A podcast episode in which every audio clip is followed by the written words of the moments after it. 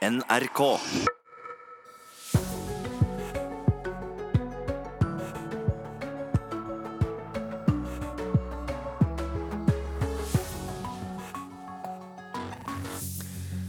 Da er Nyhetsmorgen oppe og går. 18. juli er det i dag, og vi skal snakke mer om den saken du hørte på Dagsnytt nå, nemlig at kvinner angrer på at de anmelder uh, voldtekter fordi politiet er overarbeidet. Vi får politijuristene besøk, uh, på besøk her om ikke så lenge. Så skal vi snakke om at det ser ut som om Tyrkias president forlenger, ikke forlenger, unntakstilstanden i landet, og dermed er den over i løpet av dagen. Og så er spørsmålet bør Toren ta turen til Norge? Mange jobber nå for at Tour de France starter i Norge i 2021.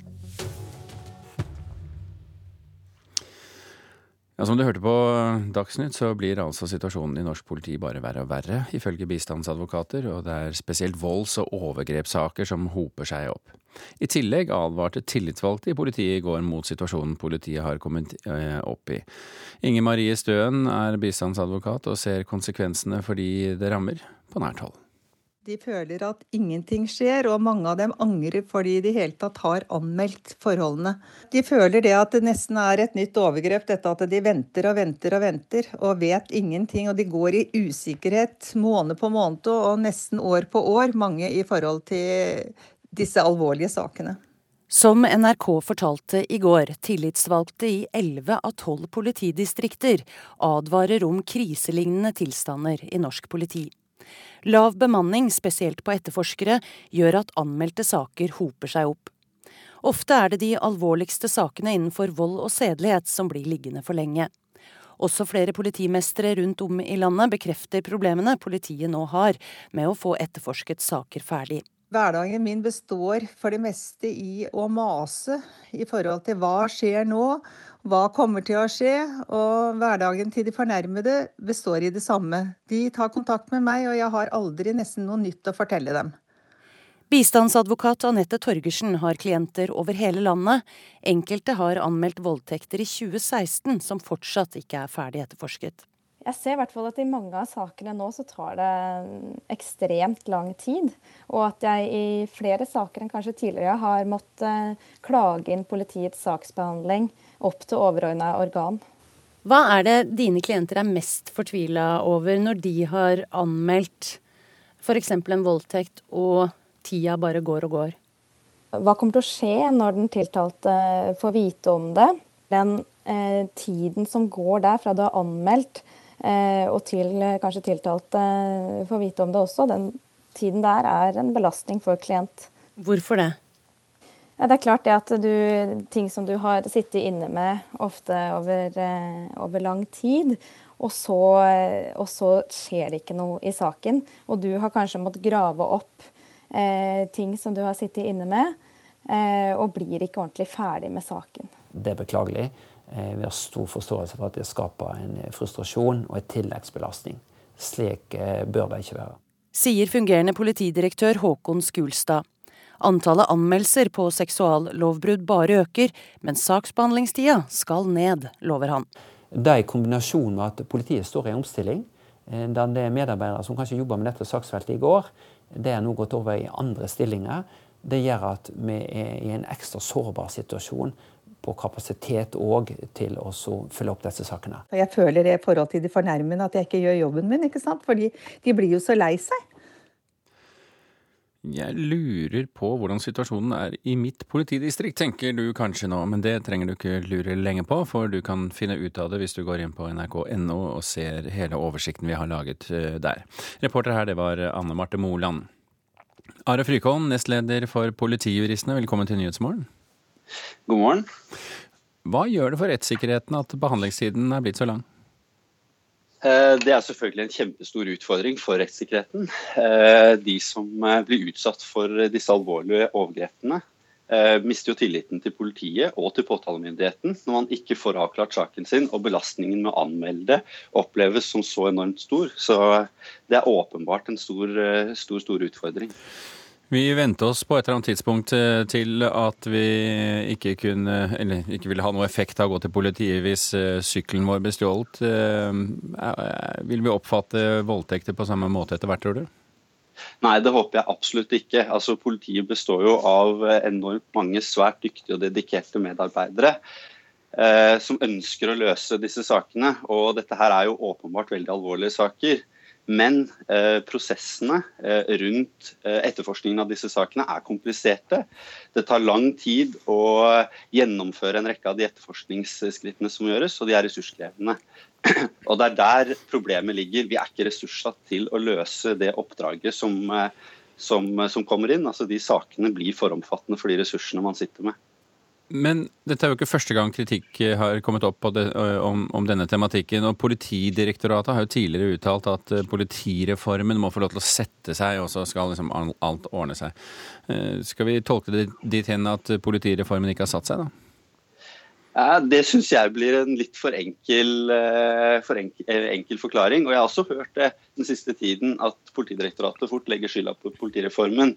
Men den har tross alt pågått veldig lenge, og den er i sluttfasen nå. Nå begynner folk å ha satt seg i de posisjonene de har. Til tross for det så er det den siste tiden hvor resultatene virkelig er blitt eh, ille på, på dette, dette, området. Og Da mistenker jeg at det er andre årsaker enn politireformen. Men du hørte jo her at bistandsadvokater Uh, og Vi hadde jo ett eksempel uh, som vegrer seg for å anbefale klientene å anmelde til politiet. Hva, hva forteller det deg om situasjonen? Det forteller jo meg at det er uh, på et krisenivå. så Man kan ikke ha en situasjon hvor personer som blir utsatt for noe av de mest alvorlige integritetskrenkelsene man kan, kan oppleve, må gå og vurdere om de skal i det hele tatt anmelde forholdet i frykt for belastningen av at, eh, at saken ikke blir etterforsket innenfor en rimelig, rimelig, tidsramme, det er eh, helt forferdelig. Så Her håper jeg virkelig at Politidirektoratet og politisk hold tar ansvar og ressurssetter eh, påtalemyndigheten og etterforskningsleddet i politiet på en tilfredsstillende måte, så vi klarer å ta hånd om de sakene som kommer inn. Mer folk, med andre ord? Ja, altså Det er eh, en komplisert materie. Det er gjennomført en utredning som kom i fjor, i mars i fjor. En påtaleanalyse som tar for seg en rekke tiltak som skal bedre den situasjonen vi nå er havnet i. Og Det er jo også en indikasjon på at dette er en kjent problemstilling som bare har eskalert den siste tiden. Og at det ikke nødvendigvis er reformen som har skylda at det har poppet opp nå. Så jeg håper virkelig at man ser på de tiltakene som er foreslått i den analysen, og henter den frem. Og begynner å jobbe med dette, denne alvorlige problemstillingen problemstillingen vi nå står overfor. Men hvis dette har eskalert omtrent samtidig som politireformen iverksettes, er det utenkelig at det har en sammenheng? Nei, selvfølgelig. Altså, det kan jo ha noe, noen uh, sammenhenger, det også. Men uh, det, det, det, som bekymrer meg veldig, det er det at denne utviklingen har eskalert den siste tiden. Og nå er vi egentlig på innkjøringsfasen av uh, reformen. Altså Reformen er over den verste kneika og skal egentlig nå bare ha et halvt års uh, oppløpsside inn mot, mot, neste år. Og at resultatene da blir så enormt mye verre nå den siste tiden, det syns jeg er, er bekymringsfullt og indikerer at dette har vært en problemstilling som bare har tatt seg opp den siste tiden. men, men, har, men har, du et, et, enkelt tips til myndighetene om hva de kan gjøre for å bedre situasjonen? Ja, hent frem påtaleanalysen og jobb med de tiltakene som står der. Sørg for at man har eh, tilstrekkelig med eh, bemanning på påtalesiden og eh, etterforskningssiden i politiet. Og at man evner å beholde de erfarne, dyktige medarbeiderne man sitter med på de saksfeltene som jobber med denne kriminaliteten. Are Frykholm i Politijuristene, takk for at du var med oss i Nyhetsmorgen.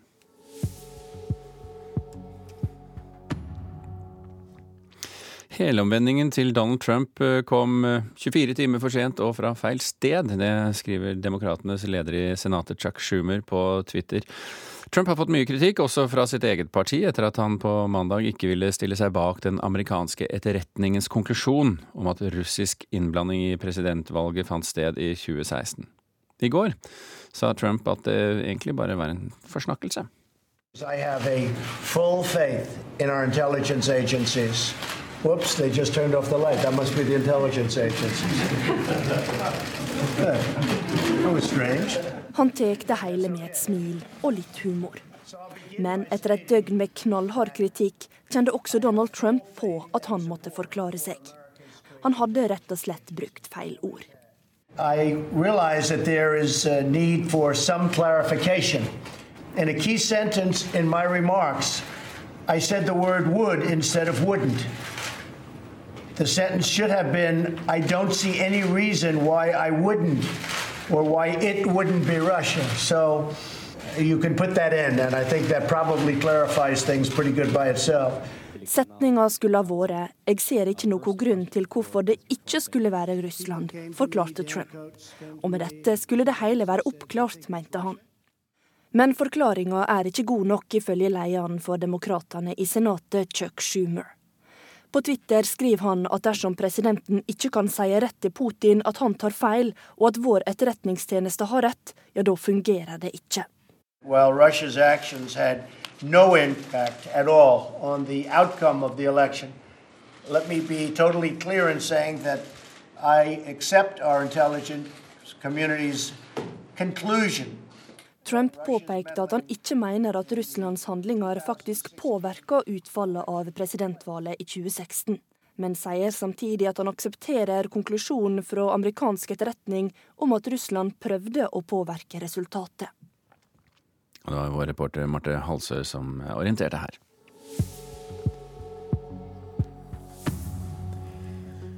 Ja, da nærmer klokken seg kvart over eh, sju. Eh, du hører på Nyhetsmorgen, som har følgende saker på plakaten i dag. Kvinner angrer på at de anmelder voldtekter fordi sakene tar så lang tid å etterforske. Tilstanden i politiet er verre enn noen gang, advarer bistandsadvokater. Vi har også snakket om at det ikke ser ut som om eh, Det har vi ikke snakket om. Vi skal snakke om at eh, Tyrkias president forlenger unntakstilstanden i landet, og dermed så er den over i løpet av dagen.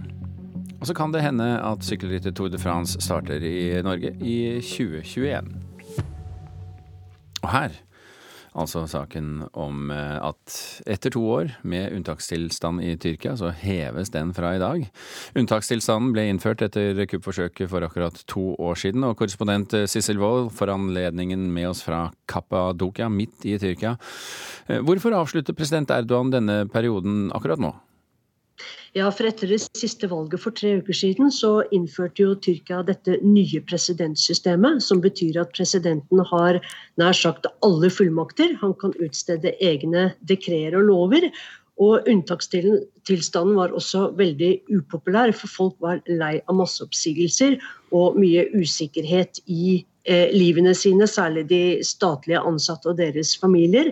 Eh, sånn at eh, han i praksis nå har rett til å utstede de lovene han vil, så han trenger ikke unntakstilstand lenger. Ikke denne kampen mot terror, det er jo det presidenten er opptatt av. Mm. Hvordan kommer tyrkerne til å merke forskjellene? Blir de noe blidere, tror du? Nei, de fleste tror jo at det ikke blir noen uh, forskjell. Fordi at uh, nå er det kommet en ny lov, altså et lovtillegg som dreier seg om kampen mot terror, i stedet for unntakstilstanden. Sånn at kampen mot terror fortsetter, sier presidenten og hans ministre. myndighetene kan nå arrestere de mistenkelige personene de ønsker. Og disse personene kan holdes i forvaring til opptil tolv dager. Og man, eh, lokale guvernører eh, kan nekte folk adgang til eh, områder. Og så kan man sikkert også fortsette å nekte demonstranter å demonstrere. F.eks. Gay Pride har jo vært avlyst i, i, fire år på rad, selv om det da har vært unntakstilstand bare i to år. Så med utvidede lover, så kan man også fortsette å gjøre som man vil. Men, men bortsett fra de tingene, Cecil, hvordan har unntakstilstanden påvirket dagliglivet for folk? Det har jo først vært eh, disse masseoppsigelsene av statlige ansatte, enten de har hatt noe med kuppforsøket å gjøre eller ikke. De fleste har nok ikke det, for det er mange eh, statlige ansatte akademikere som har undertegnet på et fredsopprop om at man må få til en freds, eh, eh, fredsavtale mellom kurderne i sørøst i landet og den tyrkiske regjeringen. Veldig mange av de har blitt fratatt jobbene og blitt suspendert, eh, mange av dem, og mistet passene sine. Noen skal få tilbake passene sine, nå hører vi, men om de får tilbake jobbene sine, det er jo uklart. Så dette har vært eh, en forferdelig situasjon også for familiemedlemmene til disse akademikerne, som også har mistet passene sine, og ikke alle kan søke om nye pass igjen. Men, men, men selv om Tyrkia er et stort land uh, med, med, en stor administrasjon uh, Cecil, så, så, er det vel ikke sånn at man bare kan ta ut 100 000 mennesker, og så, og så går alt like bra? Nei, det har uh, i flere, um, særlig i justisvesenet, så har jo de som er blitt sagt opp eller suspendert, blitt uh, erstattet med folk fra Erdogans AKP-parti. Sånn at det er blitt mye mer politisert. Altså, det er partiboka som har Eh, gitt folk da nye posisjoner. og Det ser vi også i den statlige kringkasting TRT, hvor det har vært mange nyansettelser av folk som har partiboka i orden, og som kanskje ikke kan så mye om journalistikk som kollegene deres eh, skulle ønske, f.eks. Ok, eh, Sissel Wold, vi får se om det går mot roligere perioder i, i, i Tyrkia etter hvert. Takk for at du var med oss fra Kappadokia. Toppsjefen i Norwegian, Bjørn Kjos, er landets eldste toppsjef for et eh, børsnotert eh, selskap. Han har gjort en rekke ulike ting dessuten, før han startet flyselskapet Norwegian. Hva har du likt best av å være jagerflyver, advokat eller gründer? Jagerflyver. det har vært den artigste jobben jeg har hatt. Det var ikke Ja, det, var, det er helt klart den artigste jobben jeg har hatt. Hva var det som var så artig med den? Nei, du vet du, tenke seg jeg holdt på å sagt kjøre Formel 1 akkurat hvor du vil hen. Eh, eh, med alt ifra finne russiske skip til å avskjære russiske fly, og dette inn i den kalde krigen. ikke sant? Så det var jo fryktelig spennende. Hver dag var spennende. Og du kommer til å bli bedre kjent med Bjørn Kjos i Sommerkvarteret hvis du fortsetter å høre på radio her. 25 minutter er det til. Det er sånn ca. Kvart, eh, kvart, på åtte. Da kommer Sommerkvarteret. Annethvert år så starter Tour de France utenfor Frankrike, og neste år så går starten fra Belgias hovedstad Brussel, men i 2021 da kan sykkelsirkuset faktisk komme til Norge. Kristoff i annen posisjon bak en italiener! Det var elleville scener da sykkel-VM gikk av stabelen i Bergen i fjor. Og det norske publikummet kan ha imponert Tour de France-arrangøren så mye at de vil starte touren i 2021 i Norge. Og det tror Arctic Race-ambassadør Tor Hushovd er fullt mulig. Det hadde vært unikt, og det hadde satt Norge i, på, i fokus på en helt annen måte, en helt ny dimensjon. Giro d'Italia, altså Italia rundt starta i Jerusalem i år, så det er ikke sant at Tour de France skal starte i Norge. Ingen problem. Norges landbruksminister Jan Georg Dale var også på plass i Frankrike i går. Jeg mener jo at de sykkelkonkurransene vi har sett utvikla i Norge de siste åra, både Arctic Race, Tour de Fjords og andre, har jo åpenbart løfta sykkelinteresse i Norge. og Det har også medført at vi har fått eh, god reklame utenfor landets grenser. Og Vi ser jo nå at turismen til eh, Norge vokser, eh, og det skyldes jo også antagelig at vi greier å markedsføre oss på stadig nye arenaer. Sykkelkonkurransene har vært en slik arena. Sjef for Arctic Race, Knut Eirik Dybdahl, har god erfaring med å arrangere sykkelritt i norsk natur, og lover å bidra hvis Toren tar turen til Norge. Vi elsker sport, vi elsker idrett og vi ønsker å være med og sette Norge på kartet. og Hvis vi kan være med og bidra til å få flere arrangement, idrettsarrangement til å komme til Norge, uansett eh, hvilken type arrangement, så skal vi gjøre alt det vi kan for å få det til. Arctic Race har vel også noen gode kontakter i ASO, som eier Tour de France? Ja, man har alltid noen gode kontakter. og det er jo at, eh, det er jo når, eh, Hvis at Norge noen ganger bestemmer seg for eh, og ønsker å jobbe for å få eh, Tour de France, så skal vi være med på å gjøre så godt vi kan. Reportere her var eh, Mattis Holt og Morten Stenberg. Den ellevte etappen av årets Tour de France. Hvis du ikke kan se den på TV 2, så kan du høre den på NRK Sport fra klokka 14.03 i dag. Og så skal vi se litt på det som skjedde i natt mens du lå og sov.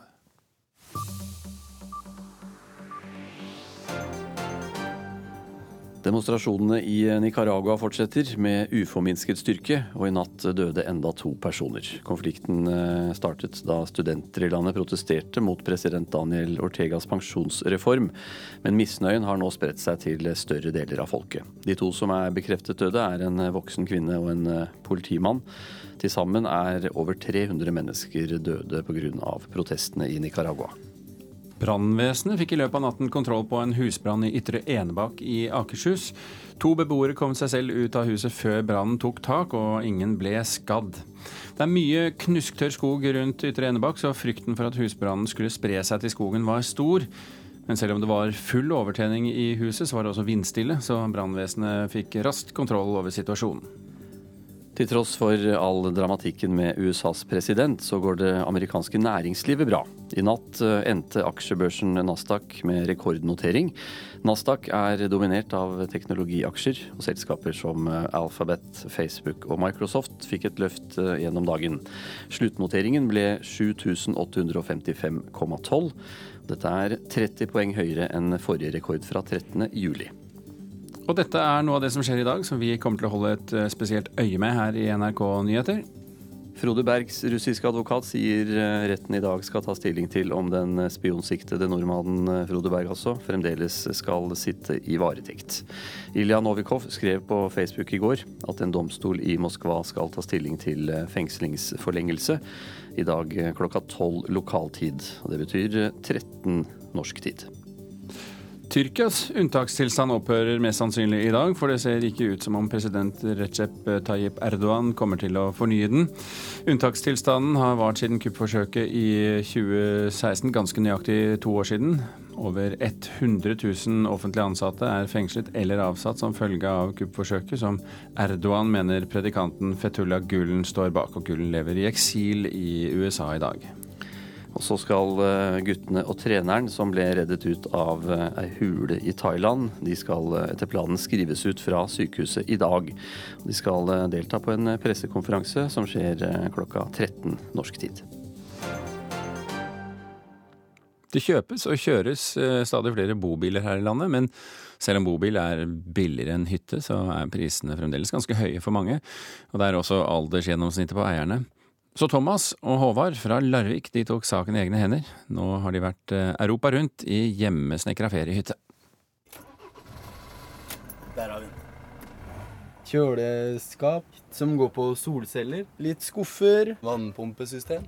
Sengeparti eh, bak her hvor eh, vi har et klesskap som foregår inni senga, inni sengeramma. Trangt, men koselig. Aldri før har det vært registrert flere bobiler i Norge. Nye tall fra Statistisk sentralbyrå viser at det ved årsskiftet var registrert 48 000 her i Norge. Thomas og Håvard er blant de som ville ut på tur, men syns fabrikkbygget bobil ble for dyrt. Nå har de vært Europa rundt i det som en gang var en bakt potetsjappe. Jeg tenker at å finne en litt sånn gyllen middelvei hvor det, du får sove godt og du føler deg trygg, er viktig, men så må du liksom bare la alt bli litt som det blir. Fordi når du er på tur, så blir det mye rot, og det er mye nye mennesker og sånn, og det må man liksom bare akseptere, da. Så det er kanskje ikke en livsstil for alle, jeg vet ikke. Og mens nye bobiler som blir solgt har en gjennomsnittspris på rundt 700 000-800 000, har selvbyggerne brukt noe mindre. Totalt så tipper jeg vi har brukt 35 000 hver. Se her, ja. Her ser du en eh, bil på 8,70 lang. To enkle senger bak. Ordentlig dusjkabinett. Høyglansa overskap. Bare trykk på en knapp, og så kommer da en 32 tommers TV opp. En litt annen verden enn det gamle potetutsalget. Med gjennomsnittsalder på over 60 år blant bobileiere er det få unge mennesker å skimte på Aschems campingsenter i Tønsberg. Odd Aschem er daglig leder og mener at bobil er blitt renvasket fra harrystempelet det en gang hadde. Fordi bobil nå er å definere som eh, trendy, og har vært det i flere år nå. Nå er det blitt kult av bobil, og det gjør at vi også når eh, mer de på 40-50 også. Aschem tror det er flere grunner til at folk velger å bygge selv, fremfor å kjøpe av han. Han tror en kombinasjon av dårlig tid og høy prislapp kan være en av faktorene som gjør at folk venter til de blir eldre. Geir Holm, generalsekretær i Karavanbransjeforbundet, er klar over det høye alderssnittet blant bobileiere, men forteller at de forsøker å nå en ny, yngre målgruppe. Altså, utgangspunktet er jo at det vi ser, altså Veien til å rekruttere eh, inn mot bobil, er eh, ofte det å kjøpe seg campingvogn. Allikevel velger flere unge mennesker å bygge sin egen feriebolig på hjul. I Facebook-gruppa Vi som har hjemmesnekra bobil, er økonomi en gjennomgående faktor for hvorfor flere velger bort fabrikkbygde biler. Holm er uenig i at prisene på bobiler er for stive dette er jo ikke dyrt. Hvis du sammenligner en bobil på en uh, folkebobil på en uh, helt grei størrelse, så er den jo ikke dyrere. Den er faktisk mye billigere enn f.eks. en båt på tilsvarende eh, størrelse. Så, så, og det er jo mange flere som har eh, båter enn som har bobiler. Så, så jeg, jeg, skjønner ikke helt problemstillinga der. Kanskje ikke overraskende anbefaler derfor generalsekretæren i Karavanbransjeforbundet å gå for fabrikkbygde biler dersom man ønsker å ta ferien på hjul. Det er mye tryggere. Det er biler som er produsert av godkjente produsenter. Du har alle de rettighetene når du får bilen inn til, til Norge og du skal bruke den. Det er mye tryggere. Så jeg tenker sånn at Det handler om, om tryggheten sjøl. Tilbake i den hjemmesnekra bilen på Risøytoppen i Stavern, med utsikt rett ut i havgapet, sitter to eventyrlystne karer som skal ut på veien igjen. Men hvor? Det vet de ikke ennå. Vi har, sn snakka om å se Norge, og vi bare snakker sammen. Vi har, legger aldri noen plan. Så setter vi oss i bilen, så er det Hvor skal vi reise da? Og så bare reiser vi et sted. Og så reiser vi bare i Norge, eller hvor enn vi ønsker. Ja, Bendik Hansen eh, var reporter her. Hvis du har lyst til å se denne bilen eh, og hvordan den eh, ser ut, så har vi et par bilder av den på nettsidene våre. Da kan du gå inn på nrk.no skråstrek Vestfold, og så vil du se at saken om den hjemmebygde bobilen, den, den ligger på topp der. Ja, Det begynner å nærme seg hovedsendingen for Dagsnytt i, i, dag. Anders Borgen Werring er på veien i studio nå. Og etterpå så skal vi snakke om den forunderlige fredsprosessen som uh, kom veldig overraskende på alle i, mellom Etiopia og Eritrea. Men det er altså etter Dagsnytt.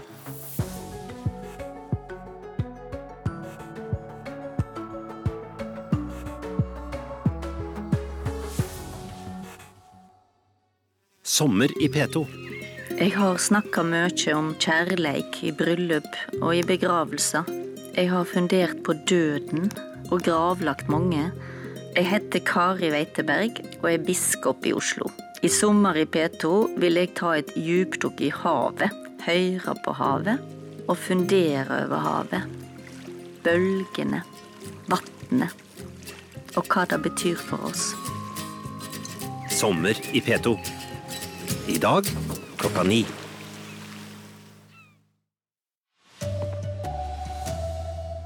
Volds- og overgrepssaker hoper seg opp hos politiet. Situasjonen blir bare verre og verre, mener bistandsadvokater. Donald Trump hevder han forsnakket seg under toppmøtet i Helsingfors. Retretten kommer for sent, mener kritikere. Mållaget krever at strømmetjenester tekster på nynorsk. Her er NRK Dagsnytt, klokka er 7.30. Situasjonen i norsk politi, der spesielt volds- og overgrepssaker hoper seg opp, er ifølge bistandsadvokater blitt verre og verre. Som NRK fortalte i går, advarer tillitsvalgte i 11 av 12 politidistrikter om store utfordringer for tida. Høyt arbeidspress, sykemeldte etterforskere, folk som slutter og saker som blir liggende. Også flere politimestere bekrefter eh, situasjonen. Inger Marie Støen er bistandsadvokat og ser konsekvensene for de dette rammer, på nært hold. De føler at ingenting skjer, og mange av dem angrer fordi de i hele tatt har anmeldt forholdene. De føler det at det nesten er et nytt overgrep, dette at de venter og venter og venter og vet ingenting. Og de går i usikkerhet måned på måned og nesten år på år, mange i forhold til disse alvorlige sakene. Som NRK fortalte i går, tillitsvalgte i 11 av 12 politidistrikter advarer om kriselignende tilstander i norsk politi. Lav bemanning, spesielt på etterforskere, gjør at anmeldte saker hoper seg opp. Ofte er det de alvorligste sakene innenfor vold og sedelighet som blir liggende for lenge. Også flere politimestere rundt om i landet bekrefter problemene politiet nå har med å få etterforsket saker ferdig. Jeg føler i forhold til de fornærmede at jeg ikke gjør jobben min, ikke sant? fordi de blir jo så lei seg. Bistandsadvokat Anette Torgersen har klienter over hele landet. Enkelte har anmeldt voldtekter i 2016 som fortsatt ikke er ferdig etterforsket. Hva er det dine klienter er mest fortvila over når de har anmeldt f.eks. en voldtekt, og tida bare går og går? Hva kommer til å skje når den tiltalte får vite om det? Den eh, tiden som går der fra du har anmeldt og til eh, kanskje tiltalte får vite om det også. Den tiden der er en belastning for klient. Det er beklagelig. Slik eh, bør det ikke være. Sier fungerende politidirektør Håkon Skulstad. Antallet anmeldelser på seksuallovbrudd bare øker, men saksbehandlingstida skal ned, lover han. Her må vi se på hvordan vi skal få ned den saksbehandlingstida utover høsten. Reporter her, Anne Marte Moland. Mange kan få seg en lite hyggelig overraskelse når de ser mobilregninga etter ferien. En rekke mobilselskaper gir for dårlig informasjon til kundene sine. 14 tilbydere av mobiltjenester må endre markedsføringen på sine hjemmesider for å holde seg innenfor loven. Konklusjonen etter en gjennomgang Forbrukertilsynet har gjort, er at de 14 tilbyderne ikke gir god nok informasjon til kundene. Selskapene er for dårlige til å opplyse om hva som er inkludert i de ulike abonnementene, og det er flere som ikke opplyser om at fri bruk i EU og EØS ikke gjelder for anrop som går ut fra Norge. En annen ting tilbyderne synder mot, er at de ikke opplyser om at roam like home, altså at du kan bruke mobildata på samme måte i utlandet som i Norge, ikke gjelder på fly og skip. I disse ferietider er det derfor mange som kan få seg dyre overraskelser. De 14 selskapene har frist til 3.9 med å innrette seg og legge fram endringer, skriver Forbrukertilsynet i en pressemelding. Og det sa reporter Andreas Hagen Håkonsen. Helomvendingen til Donald Trump kom 24 timer for sent. Det skriver Demokratenes leder i det amerikanske senatet, Chuck Schumer, på Twitter. Trump har fått mye kritikk, også fra sitt eget parti, etter at han ikke ville stille seg bak den amerikanske etterretningens konklusjon om russisk innblanding i presidentvalget i 2016. I går sa Trump at det hele var en forsnakkelse. I have a full faith in our intelligence. Whoops, they just turned off the light. That must be the intelligence agencies. Han tar det hele med et smil og litt humor. Men etter et døgn med knallhard kritikk kjente også Donald Trump på at han måtte forklare seg. I said the word would instead of wouldn't. The sentence should have been I don't see any reason why I wouldn't or why it wouldn't be Russia. So Setninga skulle ha vært 'Jeg ser ikke noen grunn til hvorfor det ikke skulle være Russland', forklarte Trump. Og med dette skulle det hele være oppklart, mente han. Men forklaringa er ikke god nok, ifølge lederen for demokratene i senatet, Chuck Schumer. På Twitter skriver han at dersom presidenten ikke kan si rett til Putin at han tar feil, og at vår etterretningstjeneste har rett, ja, da fungerer det ikke. Well, no impact at all on the outcome of the election. I accept our intelligence community's conclusion. Trump påpekte at han ikke mener at Russlands handlinger faktisk påvirka utfallet av presidentvalget i 2016, men sier samtidig at han aksepterer konklusjonen fra amerikansk etterretning om at Russland prøvde å påvirke resultatet. Sa reporter Marte Halsør. Bjørn Kjos er Norges eldste toppsjef for et børsnotert selskap, men han har ikke tenkt å gi seg fra makta ennå. Flere andre flyselskap har vist interesse for Norwegian den siste tida, uten at Kjos vil selge seg ut. Men én ting er han klar på. Han skal ikke sitte like lenge i sjefsstolen som Olav Thon. Det er klart at når er, begynner å komme opp i alderen min, så må du begynne å tenke på at du bør jo snart gi deg. For du er jo for lengst passert vanlig pensjonsalder. Da. Så, og der ingenting varer evig. Men Er det sånn at du tenker på å trappe ned og finne en erstatter nå? Jeg burde ha tenkt på det for lenge siden. Jeg har ikke hatt tid til å gjøre det så langt. Selv om Bjørn Kjos ikke har umiddelbare planer om å trekke seg, vil han ikke sitte på toppen til evig tid. Vi har jo en fantastisk kar, gründer Olav Thon, da, som er 95. Så lenge har jeg definitivt ikke tenkt å holde ut. Kjos eier 25% av Norwegian. Men den siste tiden har flere utenlandske selskaper vært interessert i å overta livsverket hans. Men det er mange selskaper som er interessert i Norwegian. Men da sier jeg ja, men da gjør vi noe riktig, da. For hvis det ikke noen hadde vært interessert, så hadde vi i hvert fall ikke gjort noe riktig. Er du interessert i å selge dersom prisen er høy nok? Altså, jeg har aldri, eh, aldri avertert aksjene mine for salg. Eh, så det eneste jeg har sagt, er at jeg, jeg skal liksom ikke være nissen på lasset som, som, stritter imot alt mulig. Hvis det er sånn at alle andre aksjonærer vil selge, så må jeg selvfølgelig jeg tenke meg veldig godt om. Jeg, som 25% aksjonær så skal du ikke styre et børsnotert selskap. Eh, hvis du ser på fremme, hva vi tror om fremtida til Norwegian, så mener jeg det er et dumt tidspunkt å selge på. Eh, Norwegian har så ekstremt mye i seg.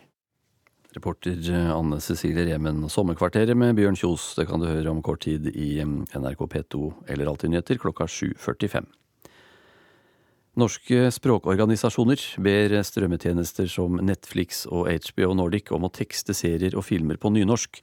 Dette vil gi dem et mer seriøst omdømme, mener Norges Mållag, og viser til at over 600 000 nordmenn bruker nynorsk som eh, skriftspråk.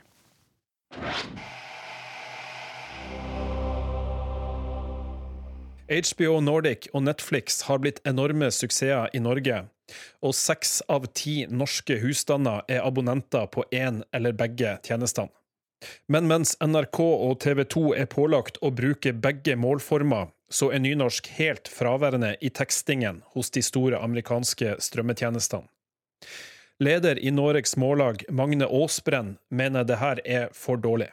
Ja, jeg, jeg, tror at det vil gi dem et mer seriøst omdømme. og Det, viser jo si, en kulturell kvalitet og medvit. Det er jo da 600 000 nynorskskrivere i dette landet, sånn at eh, jeg tror at det kan være, være med og få folk til å abonnere på kanalene, hvis de ser at de kan få språket sitt der òg. Han får støtte av Språkrådets direktør Åse Vetås.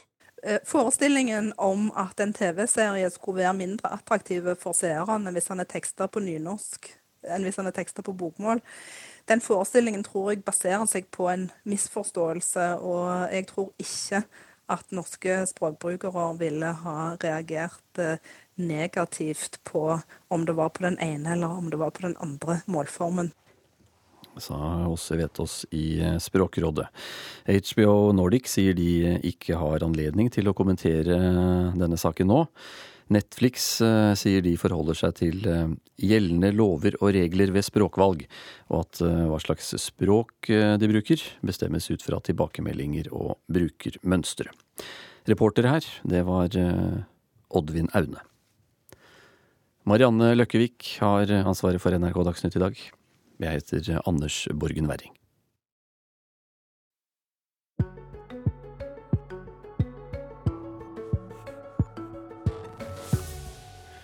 Og nå skal vi snakke om den gledelige og veldig overraskende fredsprosessen som pågår på Afrikas Horn. For i dag så starter Ethiopian Airlines en daglig flyrute til Eritrea.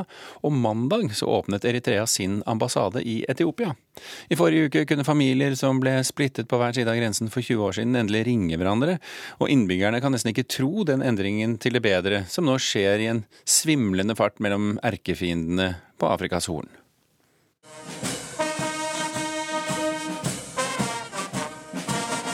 Et militærorkester spiller nasjonalsangen til Eritrea i sentrum av Etiopias hovedstad Addis Abeba. Samtidig heises det eritreiske flagget til topps. Med det er Eritreas ambassade i nabolandet gjenåpnet etter 20 år. Til stede er Eritreas president Esayas Afeworki og Etiopias statsminister Abiy Ahmed. Ambassadeåpningen viser at de to landene på Afrikas Horn har lagt 20 år med fiendskap bak seg. Et annet tegn skjer i dag. Med en splitter ny Dreamliner starter Ethiopian Airlines en daglig flyrute mellom de to hovedstedene. I forrige uke kunne familier som ble splittet av de to landene startet en grensekrig i 1998, endelig komme i kontakt med hverandre da telefonlinjene ble gjenåpnet. Etiopiske medier forteller om sønner og døtre som etter 20 år endelig får høre stemmen til fedre og mødre i nabolandet. Etiopiske sangere hyller nabolandet Eritrea. De er kledd i hvite nasjonaldrakter og vifter med flagg fra begge nasjoner. Det store konsertlokalet i Addis Abeba er fylt med festglade mennesker.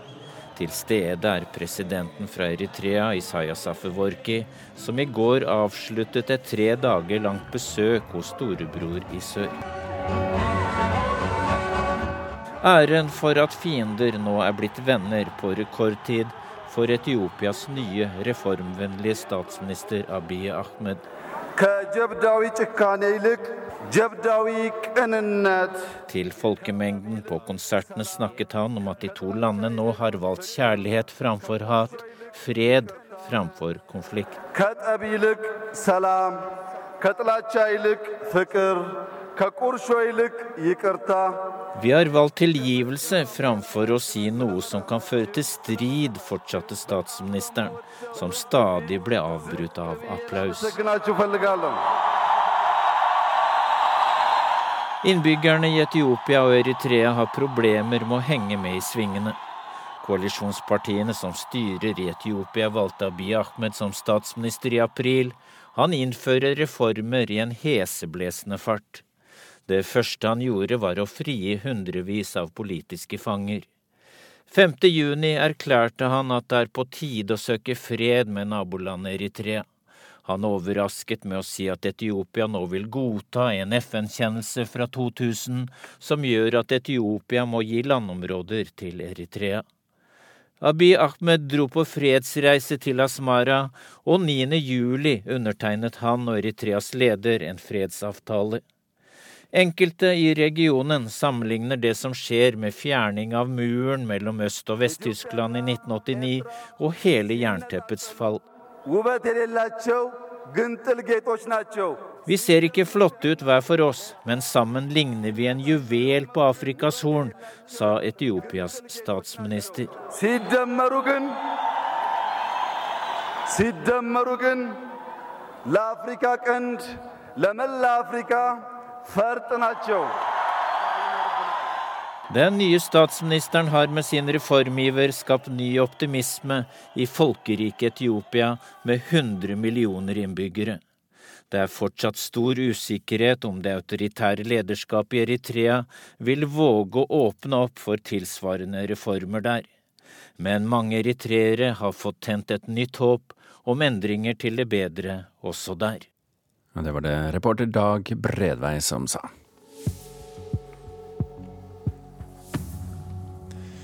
Det er ikke mange sekundene til klokken er ganske nøyaktig kvart på åtte. Du hører på Nyhetsmorgen, og vi har følgende saker på plakaten i dag. Kvinner angrer på at de anmelder voldtekter fordi sakene tar så lang tid å etterforske. Tilstanden i politiet er verre enn noen gang, advarer bistandsadvokater.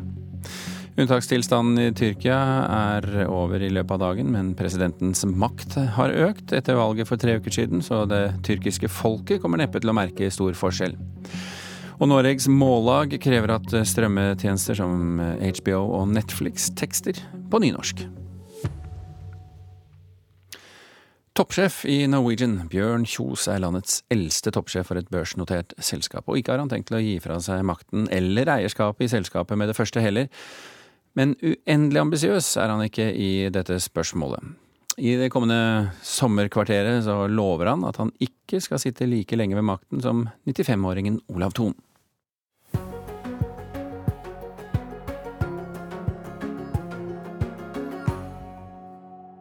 Hvor lang ferie tar du? Jeg prøver å ta i hvert fall tre uker. Kan hende at det blir kortere, men uh, tre uker uh, sommerferie. Jeg er jo ute og seiler, jeg vet du. Da... Så vi får se på vind og vær. Så da kan ferien også bli litt lenger, da? Jeg pleier ikke å bli noe særlig lenger, da. Da nei, tre uker er jo veldig bra, da. Hender det at du sjekker e-posten når du har ferie? Ja, det gjør jeg. Jeg sjekker faktisk e-posten hver dag. Og jeg sjekker den det er, det er, bare sånn det er i denne jobben her, så du må Du, må, du, du kan ikke totalt reie, stenge deg ute. Hvor ofte sjekker du den, da? Og sikkert en to-tre ganger om dagen. Er det OK å gå med shorts på jobb? Det er sikkert Jeg tror ikke det er mange Norwegian som gjør det, men jeg, de må gå sånn som de føler seg komfortable. Men det er klart at hvis du er mye møter og treffer kunder, så er kanskje ikke shorts rette antrekket. Ja, hva kjennetegner din lederstil? Jeg bruker veldig mye medarbeidere, det tror jeg. Jeg er veldig flink til å delegere. Der er jeg ganske sterk. Hvordan ser du på din egen makt i samfunnet? Jeg har aldri faktisk reflektert noe over det. Altså, som selskap Norwegian så har vi liksom en oppgave å gjøre at alle skal ha råd til å fly. da. Så vi tror jo at vi kan gjøre en, en Jeg tror vi har gjort en endring på det opp gjennom åra. Men makt har jeg liksom aldri tenkt på. Hvem har makt over deg, da? Ja, det er kona, det, vet du. Det er hun som har makt over meg. Hei. Vi treffer Bjørn Kjos samme dag som han legger fram et rekordresultat. Og det er flere internasjonale flyselskaper som nå er interessert i å kjøpe Norwegian hvor Kjos er største eier. Det er jo styret som håndterer dette, og min liksom, oppgave det er å fokusere meg om Norwegian. Men jeg konstaterer at det er mange selskaper, ikke bare de to som har vært nevnt, men det er mange selskaper. Men da sier jeg ja, men da gjør vi noe riktig, da. For hvis det ikke noen hadde vært interessert, så hadde vi i hvert fall ikke gjort noe riktig. Er du interessert i å selge dersom prisen er høy nok? Så jeg har aldri, eh, aldri avertert aksjene mine for salg. Eh, så Eh, det eneste jeg har sagt, er at jeg, jeg skal liksom ikke være nissen på lasset som, eh, som, stritter imot alt mulig. Eh, hvis det er sånn at alle andre aksjonærer vil selge, så må jeg selvfølgelig jeg tenke meg veldig godt om. Jeg, som 25% aksjonær så skal du ikke styre et børsnotert selskap. Hvis du ser på fremme, og hva vi tror om fremtida til Norwegian, så mener jeg det er et dumt tidspunkt å selge på. Norwegian har så ekstremt mye i seg. Hvordan vil Norwegian se ut om fem år, tror du? Nei, da håper vi at vi har fått satt et rutenett. Nå har vi fått satt rutenettet østover, eh, nei, vestover, så da håper vi at vi har satt rutenettet østover. Og så kunne det vært fryktelig artig om vi har greid å få, eh, få satt så mye ruter østover at vi har fått de turistene som i dag drar i millioner til eh, Mellom-Europa. Bare Hadde vi kunnet få tatt bare en del av dem og, og ruta dem nordover noen, altså Du har jo fryktelig flinke folk eh, oppi der, eh, ikke minst sånn som Hurtigruta f.eks. Kjempeflinke folk. Eh, men det hadde vært artig om vi hadde greid å fly noen millioner med, med kinesere og japanere og i dag som flyr til, til nedover der. For det hadde betydd ekstremt mye for næringa der oppe. Har du en oppfordring til næringslivet og til politikerne her, eller? Ja, Skaff Norwegian ruter over, eh, over Sibir, eh, så skal du se hva som skjer. Ikke noe galt sagt om vår statsminister, som jeg syns gjør en utmerket jobb. Men det er jo klart at vi har jo drevet på i fem år uten å ha kommet et skritt videre, da. Hva skyldes det, da? Nei, altså, Det er jo et faktum at det flyr 3500 russiske fly i året over uh, Norge, mens uh, vi får ikke lov å fly over Russland eller over Sibir. det er jo ikke akkurat balanse i systemet. Da. Sånn har det jo vært i fem år. Men hvorfor er det så viktig å gå over Sibir? Fordi du må gå den veien for å komme til Kina eller til de asiatiske markedene, og det er der turistflommen kommer fra. muligheten alt ifra eksportindustrier på sjømat og ikke men hotellnæringer. Og, det som er interessant, er at eh, den næringa der, den veksten der, den ser du særlig på vinteren. For asiatene har nok varme og sand, det er ikke det de vil etter. De vil etter oppleve det ekstraordinære, eksempelvis nordlyset. Julenissen er jo Finna tatt, da, men vi får prøve å holde nordlyset. Hva tenker du på det at du er eh, sjef i, for flyselskap, og med hensyn til miljøeffekten av økning i turismen? Også det beste flyselskapene kan gjøre, er å, er å fly, fly, som ikke slipper ut uh, så mye. Og uh, det er jo skjedd fantastisk mye i uh, på flymarkedet de siste ti åra. Så hvis alle flyselskapene hadde parkert alle de gamle drittflyene som flyr rundt omkring, så eh, ville du sett ekstreme effekter ut av det. Det har jo vært fantastiske store reduksjoner bare de siste åra, men det, det, som er ille, det er at det er mange som eh, selv på, gjennom OSL som flyr også 20-30-40 år gamle fly, skulle aldri vært lov å fly det. De slipper ut så mye dritt at det skulle aldri vært lov å fly det. Men Hvorfor bruker du ikke din makt å, i samfunnet til å presse fram en endring her? En, vi er bare en bitte liten spiller i den store sammenhengen. Og, ja, vi får gjøre det som er bra for Norwegian. Så får politikere ordne opp resten. Før Bjørn Kjos var med på å etablere Norwegian, var han advokat. Men i mange år før det var han jagerflyver. Hva har du likt best av å være jagerflyver, advokat eller gründer? Jagerflyver. det har vært den artigste jobben jeg har hatt. Det var ikke Ja, det, var, det er helt klart den artigste jobben jeg har hatt. Hva var det som var så artig med den? Nei, vet du, tenke seg, jeg holdt på å sagt kjøre Formel 1 akkurat hvor du vil hen. Med alt fra finne russiske skip til å avskjære russiske fly, og dette inn i den kalde krigen. ikke sant? Så det var jo fryktelig spennende. Hver dag var spennende. Tok du ofte risiko? Nei, vet du, Det er det du prøver å Når du som pilot så Det du egentlig trener på hele tiden, det er å unngå risiko. Og hvis du må ta risiko, så må du vite hva slags risiko du tar. I hvilken del av karrieren din har du tatt størst risiko? Som flyver, som advokat eller som sjef i Norwegian? Nei, Det er klart at det har vært som sjef i Norwegian. Noen ganger har du blitt tvunget til, til å ta risiko. For at, å drive dette uten å ta risiko, det, det, det lar seg ikke gjøre. Du, du, tar mye risiko underveis. Du prøver også å begrense risikoen og gjøre den så mye kontrollerbar som mulig og vite hva slags risiko du tar.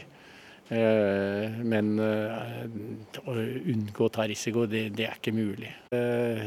Sånn, vi så nok at vi, hvis vi drev sånn som vi kunne aldri greie Vi lå rett og slett ti år for seint å kunne greie å konkurrere med eksempelvis EasyRett og Ryanair. Du må ha store volumer skal, skal, du ha noe fremtid i, i Europa. og da må, gå, da må, du kanskje gå andre veier, og vi valgte andre veier da, og, gå langdistanse. Det er klart det er risiko, men det er risiko å ikke gjøre det òg. Hva brenner du egentlig for, da?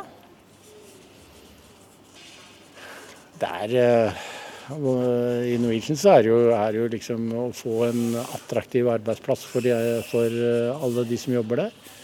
Og så syns jeg det er artig at, hvis vi kan, at det ikke skal koste skjorta for folk å fly folk rundt omkring, da.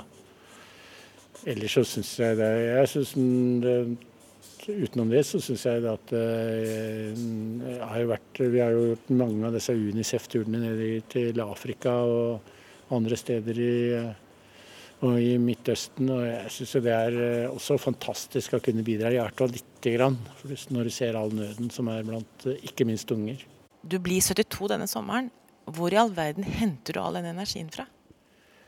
For det første, så, sånn i dagliglivet, så syns jeg det er fantastiske medarbeidere her. Og det, det med flinke folk gir deg energi. Og så har jeg fantastisk kone og fantastiske barn og barnebarn, som, også, som i hverdagen gir deg også veldig mye energi. Det er klart at når du er, begynner å komme opp i alderen min, så må du begynne å tenke på at du, du bør jo snart gi deg. For det, du er for lengst passert vanlig pensjonsalder. Da. Så, og er ingenting varer evig. Har du tenkt å gi deg med det første? Jeg må, jeg må bare finne noen som Vi har masse flinke folk, så det må være en tid for alt. da. Så lenge jeg kan bidra med litt, så, så gjør de andre resten. Men Er det sånn at du tenker på å trappe ned og finne en erstatter nå? Jeg burde ha tenkt på det for lenge siden. Jeg har ikke hatt tid til å gjøre det så langt. Du må jo ikke det, da. Det er jo veldig Det er vel kult at det sitter en 72-åring på toppen av børsnotert selskap? Ja, det burde jo ikke gjøre det. Nei. Så, men ingen regel uten unntak, er det ikke det det heter? Nå har vi, det er klart at jeg skal ikke undervurdere det. Vi har jo en fantastisk kar, gründer Olav Thon, da, som er 95. Så lenge har jeg definitivt ikke tenkt å holde ut. Nei, du bør ikke sitte for lenge inn i en sånn bransje som hvor jeg er. Det bør du ikke gjøre. Så jeg har sagt at jeg sitter på overtid i mange år, jeg nå. Jeg tror det ikke. Burde gjøre det. Men er Olav Thon et forbilde for deg? Ikke Olav Thon. Jeg har veldig respekt for Olav Thon. Men nå driver vi i veldig forskjellige bransjer, da. Det gjør vi. Eh, så er Jeg har, jeg har noen forbilder. Det måtte vært kona mi, da. Har du fremdeles flysertifikat? Nei, jeg har ikke hatt flysertifikat på mange år. Jeg. Har, for når du fløy fighter, så trengte du ikke flysertifikat. Etterpå så tenkte jeg at jeg må, jeg ta ut noen sertifikater, men det var liksom, når jeg er liksom vant til å kjøre Formel 1-bil, så er det liksom ikke like artig å gå inn, krabbe inn i ei drosje og kjøre ei drosje. Når du flyr da, med Norwegian, hvor sitter du da? Nei, Jeg sitter der det er ledig plass, jeg. Jeg er ikke så opptatt av hvor jeg sitter. Det er så god plass og det er så bra plasser overalt, så det er ikke så farlig. Så du har ikke en fast plass, altså? Nei. Det, hvis jeg sitter noe sted, så er det mer for å eh, komme raskere ut gjennom passkontroller og sånt. Nå. Så det, det, eh, på de stedene så sitter jeg kanskje foretrekker jeg sitter lenger fremme, da. Men ellers så eh, der, ja. Midtgang eller vindu? Det spiller ingen rolle. Når drar du på ferie? Eh, til lørdag.